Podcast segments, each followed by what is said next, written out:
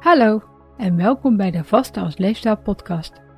Mijn naam is Amanda Kortman, ik ben gewichtsconsulent en omdat er zoveel slechte informatie over vasten verspreid wordt, hoop ik het met deze podcast zo te verduidelijken dat voor iedereen kan werken. Je vast al wanneer je langer dan 12 uur niks neemt wat vaste stopt, dus is makkelijker dan je denkt.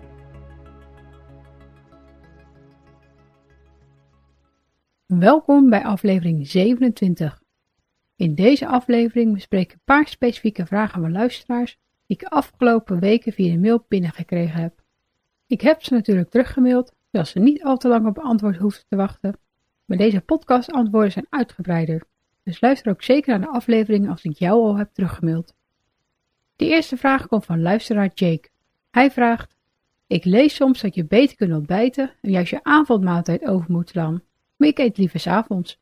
Maakt het echt een groot verschil?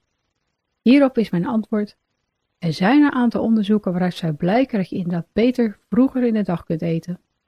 Dit heeft onder andere te maken met de natuurlijke fluctuaties van onze hormonen gedurende 24 uur van de dag en hoe we daardoor gedurende de dag en nacht op voedsel reageren.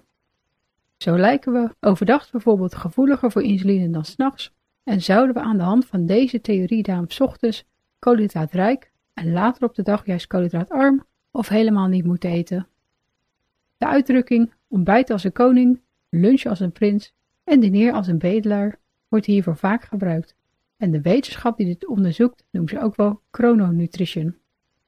Chrono is Grieks voor tijd en nutrition Engels voor voeding.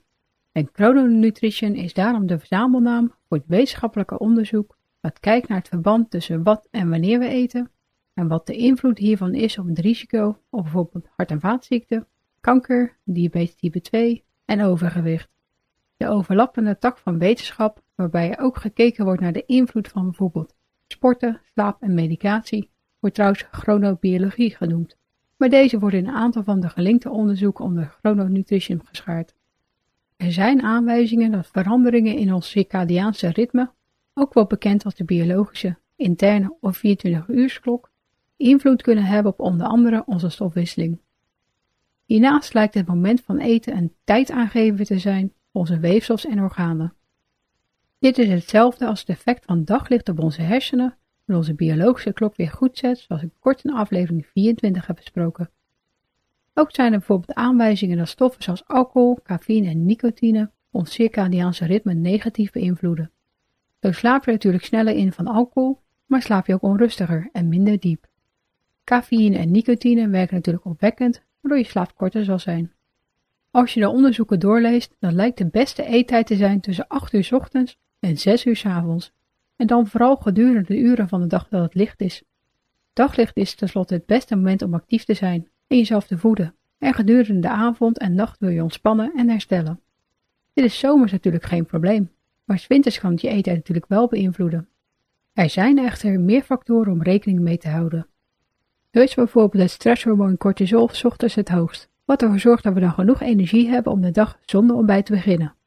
En hoewel het hongerhormoon ghreline s ochtends ook even omhoog gaat, is dit makkelijk te negeren, waardoor we in plaats van 14 uur ook makkelijk 15 tot 20 uur kunnen vasten.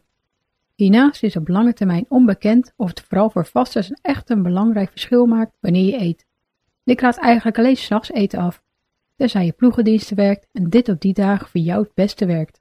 De nacht is tenslotte belangrijk voor herstel. Als je mijn voorgaande afleveringen hebt geluisterd, dan weet je dat vasten onze hormonen vooral de eerste maanden flink kan beïnvloeden. En als de studies maar een paar weken duren, is het dus lastig om te bewijzen wat het effect van diverse eettijden op lange termijn zal zijn.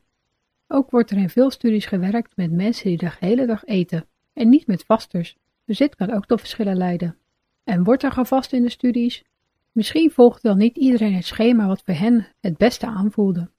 Ook moesten veel deelnemers meer eten dan waar ze behoefte aan hadden.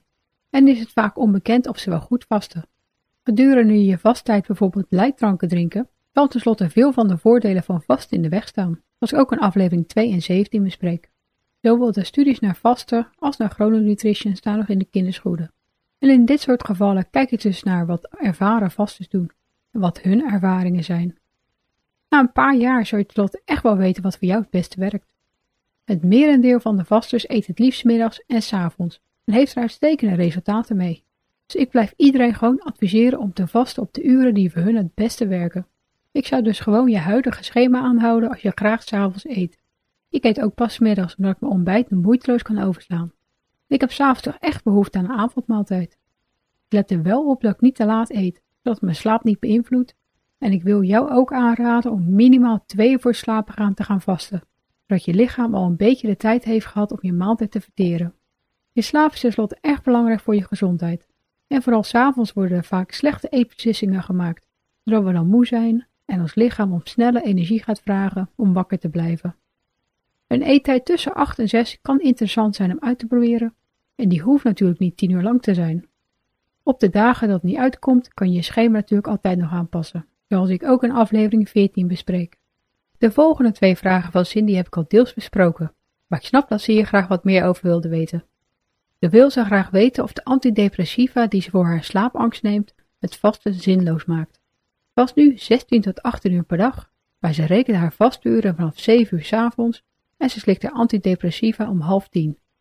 Tweeënhalf uur later dus.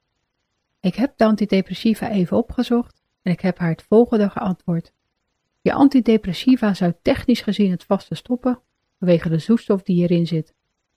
Maar ik zou het absoluut niet als probleem zien. Ten eerste is het medicatie die jij nodig hebt om goed te functioneren. Dat gaat altijd boven het vaste. Ik zou het zelf ook gewoon nemen als ik het nodig had.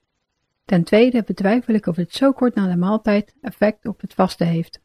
Het duurt meestal zo'n 2 tot 4 uur voordat je maag leeg is en de pil valt er dan gewoon bovenop. Doordat je het met water doorslikt zou ik niet eens proeven, waardoor de extra hongerreactie voorkomt. Even een korte mededeling voor andere luisteraars. Heb jij ook medicatie nodig? Stop er dan natuurlijk nooit zonder overleg met je behandelend arts mee. En ook als je medicatie het vaste wel stopt, besef je dan dat dit effect klein zal zijn. Zie je medicatie als een rood stoplicht waarvoor je als automobilist heel even moet stoppen. En na kan je weer verder gaan op je normale snelheid. En op lange termijn zal je reistijd niet echt langer zijn. Als je last krijgt van de hongerreactie, dan duurt het zelden langer dan een half uurtje. Dus negeer die gewoon. Neem een extra glas water en leid jezelf af, zodat deze en weer weg is. Je neemt je medicatie niet voor niks. In afleveringen 8 en 17 leg ik alles uitgebreider uit, mocht je niet meer precies weten hoe dit allemaal zit. Sydney vraagt verder of het erg is als ze alleen door de week vast en in het weekend niet, aangezien vijf dagen beter zijn dan helemaal niet vasten.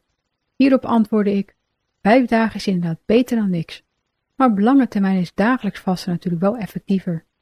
Het ligt vooral aan je doel, en als je wilt afvallen zou ik zeven dagen per week vasten. Heb je net als mij darmproblemen, dan is dagelijks vasten ook aan te raden.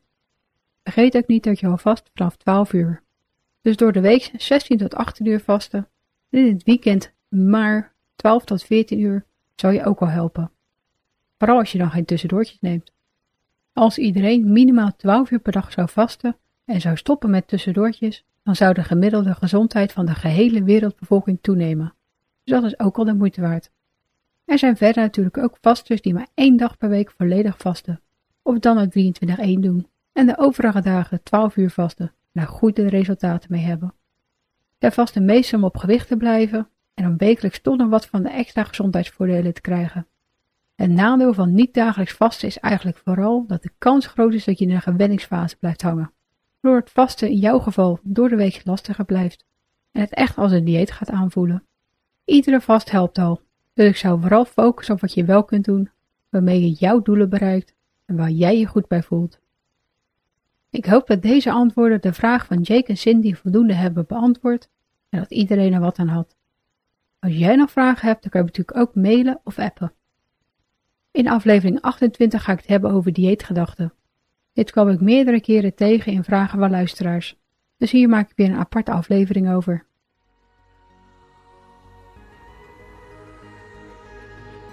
Bedankt voor het luisteren en vergeet niet dat je de onderwerpen en bronnen altijd in de omschrijving van de aflevering kunt vinden. Weet je niet zeker of sommige tips of adviezen ook voor jou geschikt zijn? Bespreek ze dan natuurlijk altijd met je arts. Heb je nog vragen of opmerkingen? Of heb je behoefte aan persoonlijke begeleiding? Kijk dan op valerien.nl voor meer informatie.